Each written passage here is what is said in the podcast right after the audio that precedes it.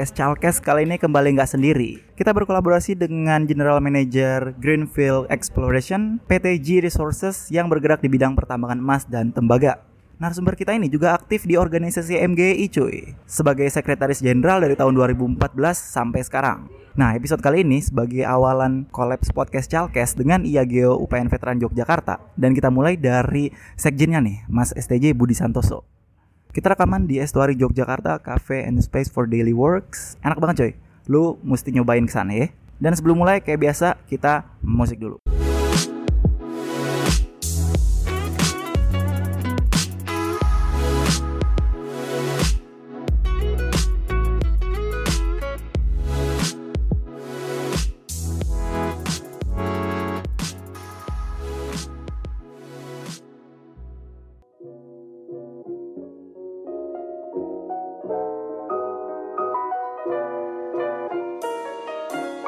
Halo semua, balik lagi di podcast Chalkes Simple Makes Great Cakep kagak tuh Oke, sekarang gue Kopong Sayangnya lagi nggak sama Yedi nih Karena Yedinya lagi biasalah So sibuk tuh anak lagi keluar kota Oke, di episode kali ini lu semua yang yang lagi denger apa kabar? Semoga sehat walafiat, makin semangat kuliah, kerja, apa pun lah, serah.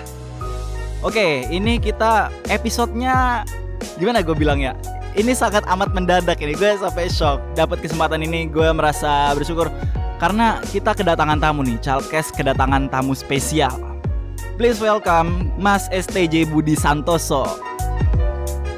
Mas STJ Budi Santoso ini alumni geologi UPN tahun 1990 cuy. Nah langsung aja kali ya kita perkenalkan. Halo Mas. Apa kabar? Halo, alhamdulillah sehat. oke sehat Mas ya? Ya. ah, iya kesibukannya lagi apa aja nih Mas Ini kebetulan setiap weekend saya balik ke Jogja karena Oke. saya tinggal di Jogja sekaligus sering main ke kampus ketemu teman-teman mahasiswa dari SC, SCMGI, ke HMTG dan juga di kelas-kelas endapan mineral karena itu kompetensi saya. Oke, eh, masnya alumni geologi UPN tahun 90 benar mas? ya? 90 betul. Ah, ah, ah, ah. Berarti lah eh, sering balik ke Jogja. Emang sekarang lagi di mana mas? Selain di Jogja nih? Eh, saya kerja di eh, perusahaan eh, tambang nasional di Oke. Jakarta setiap Senin sampai Jumat. Ya. Nah, tiap weekend itu saya pulang karena keluarga saya di Jogja. Oke, berarti kesibukannya sekarang kerja mas ya? Kerja, di. Eh, kalau boleh tahu nih mas, konsentrasinya apa nih? Apakah soft rock, hard rock berarti ya? Hard rocker. Hard rock. bro. Berarti apa nih? Boleh lebih spesifik mas? Baik. Mengenai latar belakang masnya nih. Ya, background saya saya geologis, Ah. exploration geologis. Pada Oke. saat ini saya bekerja di sebuah perusahaan eh, tambang nasional, Ah, PTJ Resources Nusantara. oke. Saya sebagai general manager untuk Greenfield eh, eksplorasi. Oh iya iya. Eksplorasi mencari untuk menemukan deposit-deposit emas, Ya. tembaga, perak dan mineral pengikutnya. Oh, Oke oke. Jadi konsentrasinya ke emas dan tembaga ya, Emas dan tembaga, eksplorasi. eksplorasi emas dan tembaga. Betul. Nah, kali ini kita mungkin bahas eh, basicnya akan ngebahas ini sih, masalah organisasi geologi profesional di Indonesia dan kenapa ini menjadi penting gitu. Nah, selain kita ngebahas itu, mungkin kita akan mengulik juga nih sedikit tentang emas bisa mas ya kali ya. Boleh, Oke, karena ini menarik banget nih. Mungkin dari organisasi dulu mas ya. Baik. Kalau organisasi sendiri mas, masnya lagi aktif di bidang apa nih? Baik, pertama eh, saya aktif di organisasi profesi geologi di Ya. IAGI. Ikatan Ahli Geologi Indonesia, khususnya eh, di anak organisasi di MGI, Hmm. Masyarakat Geologi Ekonomi Indonesia, Ya. di mana di situ saya duduk di kepengurusan Ah. dua periode sebagai sekjen.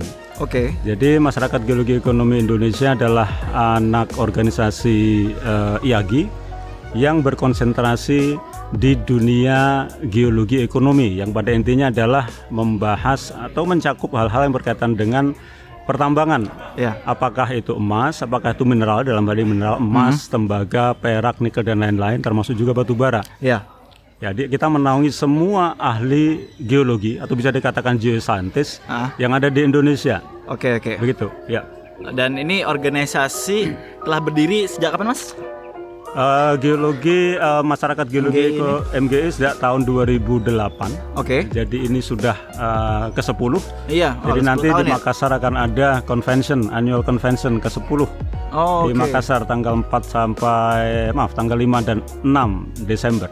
Oke, ini info penting, cuy. Kalau lu pengen datang ke Makassar, Mas ya? Makassar, ya. Lagi ada di sekitar Makassar nih atau pengen mendatengin annual eventnya MGI itu tanggal 5 dan 6 Desember 2018. Tuh. Asik. Nah, ini Mas, sekarang mahasiswa itu fokusnya ya. Kadang tuh kita mulai dari mahasiswa dulu, Mas. Fokusnya terlalu apa ya?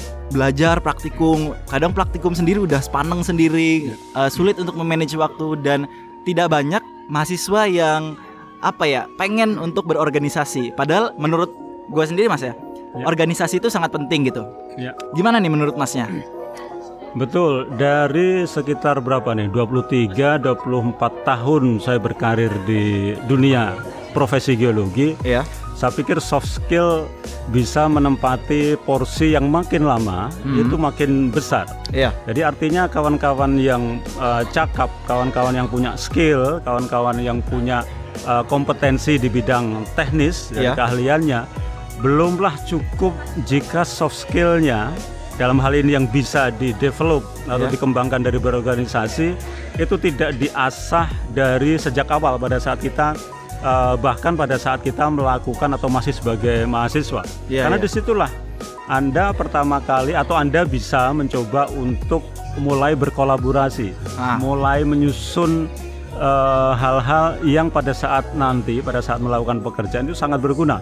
Iya. Apakah itu teamwork, apakah itu planning, apakah itu melakukan atau memitigasi masalah yang akan dihadapi, Iya. dan lain-lain.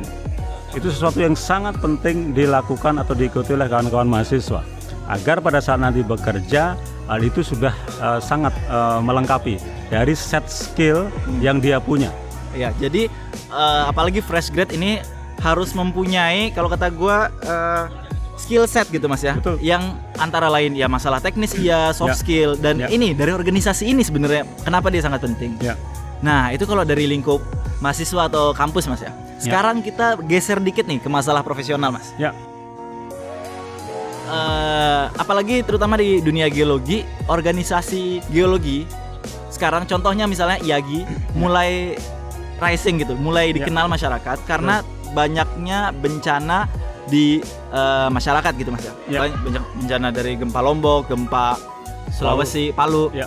Lalu menurut Mas nih dalam dunia kerja, dunia profesional, apakah masih penting gitu? Karena mindset orang kan kadang yaudah gue udah keterima kerja, udah nyaman stabil dengan hidup gue, yaudah gue nggak perlu lagi lah untuk organisasi. Apakah itu benar atau atau gimana nih menurut Mas?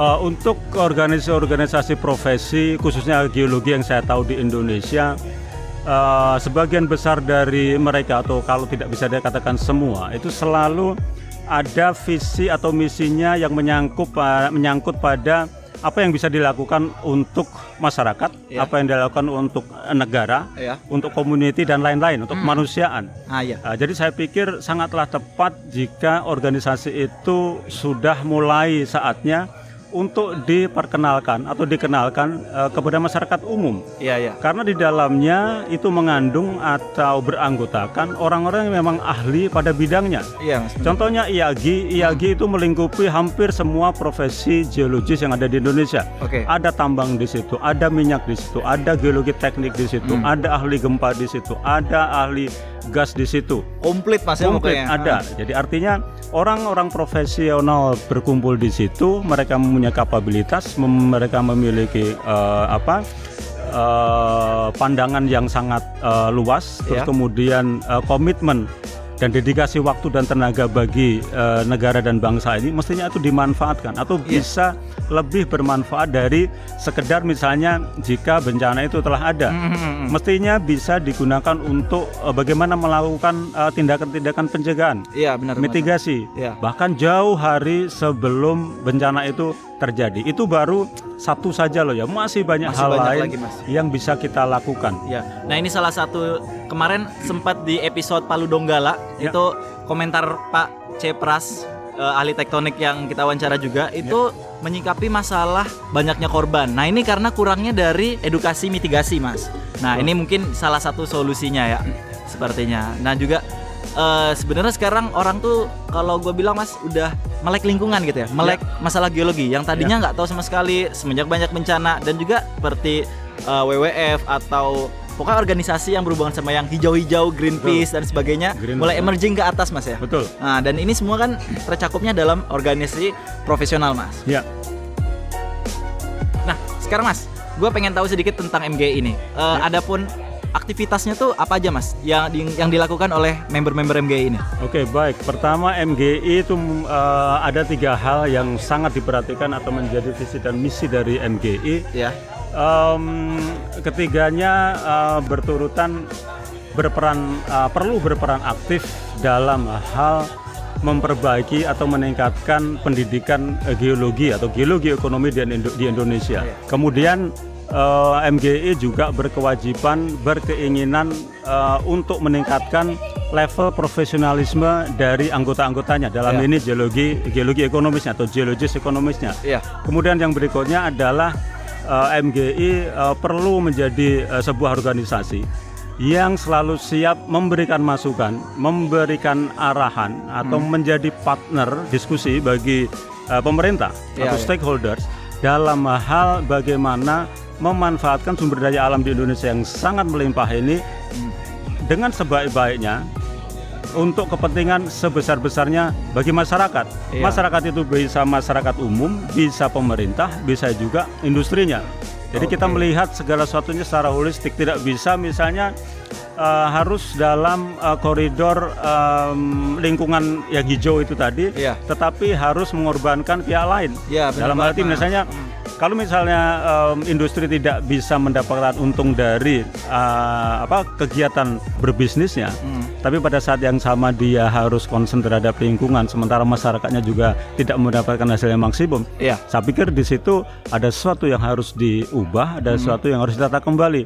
Iya. Bagaimana em, manfaat itu eh, bisa dirasakan oleh hampir semua pihak. Kalau bisa sebesar-besarnya untuk pihak eh, masyarakat atau bangsa dan negara. Dan di dalamnya tidak hanya rakyat saja, rakyat Ya. itu bisa juga em, industri, bisa juga profesi eh, Oke. profesionalnya, pemerintah dan lain-lain.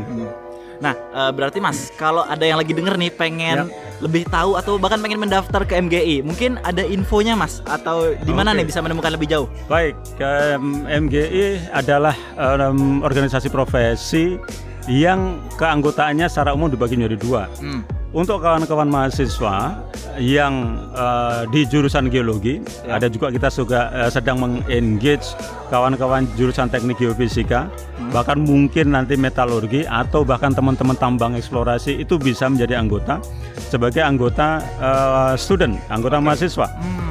Atau teman-teman pemerhati atau yang berminat entusias bisa dikatakan begitu Iya. dalam hal geologi ekonomi, geologi pertambangan, mineral maupun batu bara bisa mendaftar Iya, Eh, dengan cara pertama eh, mereka harus menjadi anggota eh, Ikatan Ahli Geologi Indonesia. Karena iya, iya, MGI itu di bawah atau sebagai anak eh, organisasi IAGI Oh, baru ini saya baru tahu. betul baru kemudian mendaftar sebagai anggota MGI Iya, iya. Nah, tidak serta-merta orang bisa mendaftar karena harus ada referensi dari anggota yang sudah ada. Iya, Jadi iya. kita mau pastikan bahwa orang-orang yang mendaftar atau rekan-rekan yang berminat untuk mendaftar di organisasi profesi ini Iya. itu juga terverifikasi, Iya. tidak sembarangan, Ah. Tidak juga dipersulit, tapi lebih kepada memastikan bahwa yang bersangkutan paham betul. Kita juga tahu siapa yang akan bergabung dengan organisasi ini. Saya pikir kita cukup terbuka untuk Iya. menerima anggota-anggota baru. Sebagian besar memang geoscientist atau orang-orang yang bergelut di dunia kegeologian, tapi ada beberapa juga yang bukan. Oke, nah ini dia coy. Sebelum kita lebih jauh masalah emas, kita break sejenak, break insert podcast. Tapi bagi lu yang pengen tahu masalah MG ini, ada linknya di deskripsi. Lu cek di Sokin, oke? Kita break podcast dulu, dengerin aja. listening to Podcast Jargon. Simple Next Week. Suatu hari di toko obat. Ko, ko, mau beli obat ko? Haya, lu orang beli obat lek-lek ah. Lu mau beli obat apa? Kita dengkul sakit, pala cenut-cenut, hati galau. Ada obatnya nggak tuh kok? Haya, lu orang datang sama orang yang tepat ah. Oh, ada segala macam obat. Lu orang tinggal dengerin soundcloud.com slash podcast pojokan. Lu orang dengerin tiga kali sehari. Sembuh tapi kok. Enggak. You listening to Podcast Jargon. Week.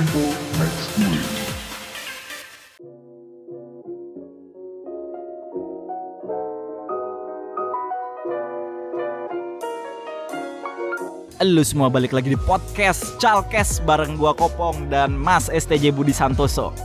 Alumni Geologi UPN tahun 90 dan General Manager di PT apa? Maaf, J Resources. Geo Resources. Oke, tadi kita ada masalah organisasi ya, seru banget dan bisa diulik lebih jauh. Tapi sekarang kita geser lagi nih ke masalah emas. Buset, siapa sih kagak suka emas? Si Edi tuh juga suka emas tuh pasti. Aduh, nah ini mungkin dimulai dari teknis dulu mas. Kayak Ya. emas tuh apa sih? Terbentuknya kurang lebih di mana dan gimana cara eksplorasi atau ngambilnya? Mungkin secara singkat aja bisa eh, Mas STJ paparkan nih buat yang lagi dengar. Oke, baik. Em, secara gampang kalau kawan-kawan atau rekan-rekan ini bukan bukan geologis atau bukan teknik geologi mungkin em, kalau dijelaskan dengan secara teknis eh, detail Nah, atau berhubungan dengan keilmuan mungkin agak sulit. Panjang. Panjang sekali. Tapi bagi anda yang pernah dengar ada ring of fire ada cincin api di mana di situ ada eh, gunung-gunung api. Iya. ada rangkaian-rangkaian gunung api yang memanjang dari ujung Sumatera sampai Irian bahkan sampai ke Halmahera atau di Sulawesi.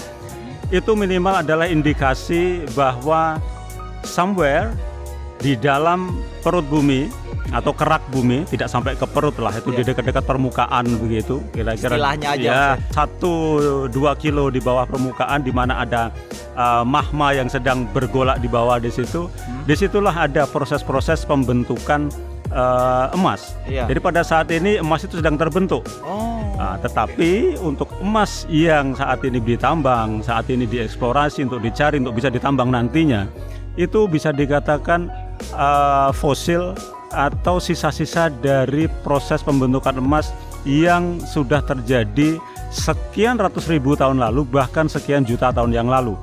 Nah, bagaimana cara melakukan eksplorasinya? Jika Anda melakukan eksplorasi yang paling paling gampang adalah kawan-kawan geologi eh, melihat ada batuan itu diketok, dilihat pakai loop, dideskripsi apa jenis batuannya, apa jenis mineralnya. Ya. Di situ bisa kawan-kawan geologi akan paham apakah area itu mengandung emas, area itu mengandung eh, tembaga atau yang lain. Metodologi metodologinya juga banyak. Apakah itu dengan geofisika, apakah itu dengan geokimia, jadi mengambil sampel dikirim ke laboratorium, uh, dianalisis elemen-elemennya, kemudian diinterpretasi. Baru setelah ada tanda-tandanya, kita bawa itu mesin bor, kita bor di situ, kita ambil sampel di bawah permukaan, kita tarik keluar, kita lihat deskripsi geologinya, apa batunya, apa komponen-komponen penyusunnya, kemudian kita interpretasi, kita kirim sampelnya ke lab, Ya. untuk analisis apakah ada emasnya, apakah ada tembaganya dan seterusnya. Jika itu sudah uh, ada, sekian banyak sampel yang diambil, kemudian digambarkan secara tiga dimensi distribusi atau penyebaran uh, elemen-elemen tadi ke arah mana saja, Modelnya gitu mas. modelnya. Jadi secara tiga dimensi dia kelihatan apakah itu bulat, apakah itu uh, seperti uh, seperti corong, Iya. apakah itu memanjang mengikuti struktur atau arah tertentu. Itu tergantung pada hasil survei yang tadi.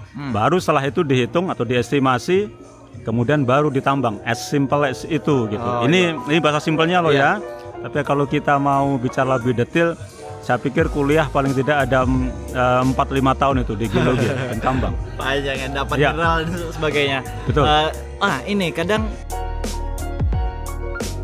kalau masyarakat umum mas ya kadang Ya. bingung nih ada teknik pertambangan ada teknik Ya. geologi. Nah itu eh, mungkin secara sederhana bisa dibilang bahwa teknik geologi itu yang mencari Betul. mencari emasnya. Ya. Lalu teman-teman kita di teknik pertambangan itu yang gimana caranya menambang itu dengan efisien dan se apa ya sebanyak mungkin. Mungkin seperti itu mas. Persis, Benar? persis seperti itu. Jadi eh, geologi salah satu dari cabang ilmu geologi misalnya adalah melakukan atau mempelajari bagaimana genesa mineral atau eh, elemen-elemen tadi Iya. untuk kemudian eh, dicari, ditemukan, dihitung, kemudian eh, ditambang oleh kawan-kawan kita dari mining. Oh. Tapi dalam hal ini geologi mempunyai cabang ilmu yang sangat luas. Oke. Hampir semua aspek kehidupan, Hmm. aspek profesi yang ada di dunia pada saat ini, apalagi yang berhubungan dengan ground ya, dengan Ah. tanah, dengan bumi, itu geologi bisa masuk di situ. Jadi saya pikir sangat-sangat Sangat luas, uh, ya. luas sekali ilmu yang dipelajari. Jadi uh, emas atau eksplorasi mineral, Ah. atau melakukan penambangan itu hanya salah satu dari sekian banyak itu. Oke, nah ini nih berhubungan sama Mas juga. Mungkin sebagai materi penutup juga nih Mas Setuju ya. Ya.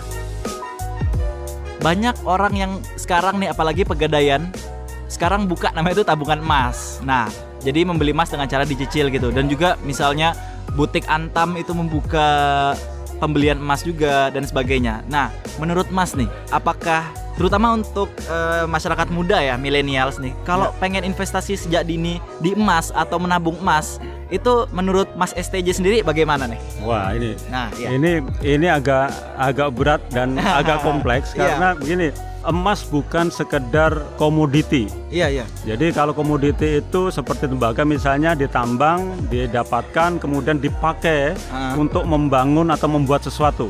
Iya. Tetapi emas ini lebih pada currency, lebih pada seperti mata uang. Iya, Jadi emas eh, di dunia hampir di dunia mana pun itu menjadi eh, salah satu eh, bentuk simpanan atau tabungan dari sebuah negara. Iya, iya. Jadi itu bisa menjadi indikasi eh, seberapa besar kekayaan negara itu eh, dengan melihat cadangan emasnya selain devisa berupa eh, apa dolarnya atau yennya atau atau yang lain.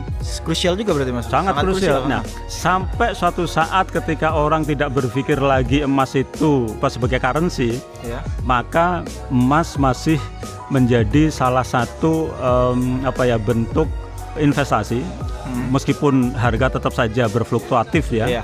Pilihan bagi sebagian orang mungkin sangat konservatif, bagi sebagian orang mungkin sangat tidak milenial tapi emas seperti emas adalah currency. Iya, iya, iya. Jadi itu sama saja itu nyimpen eh, duit Mhm. yang jika kondisinya masih seperti ini ke depan mungkin 5-10 tahun lagi walau alam tetapi saya pikir itu masih pilihan yang reasonable dan Oke. relatif aman begitu.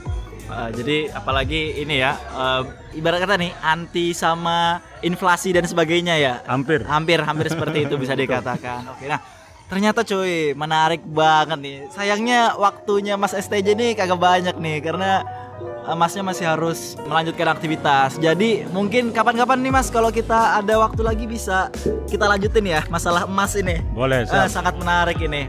Oke, terima kasih cuy yang udah denger sampai menit sekian inilah gua nggak tahu menit keberapa. Eh, yang jelas jangan lupa tungguin terus episode dari podcast Chalkes. Ada juga kita di Instagram @chalkes. Email aja kalau ada pertanyaan cuy ke chalkes@gmail.com. Kita juga ada Facebook, Instagram, Twitter. Kita muncul di Spotify, Apple Podcast dan semuanya dah komplit. Oke, gua Kopong undur diri dan STJ Budi Santoso. pamit dulu. Wassalamualaikum, sampai jumpa. Bye.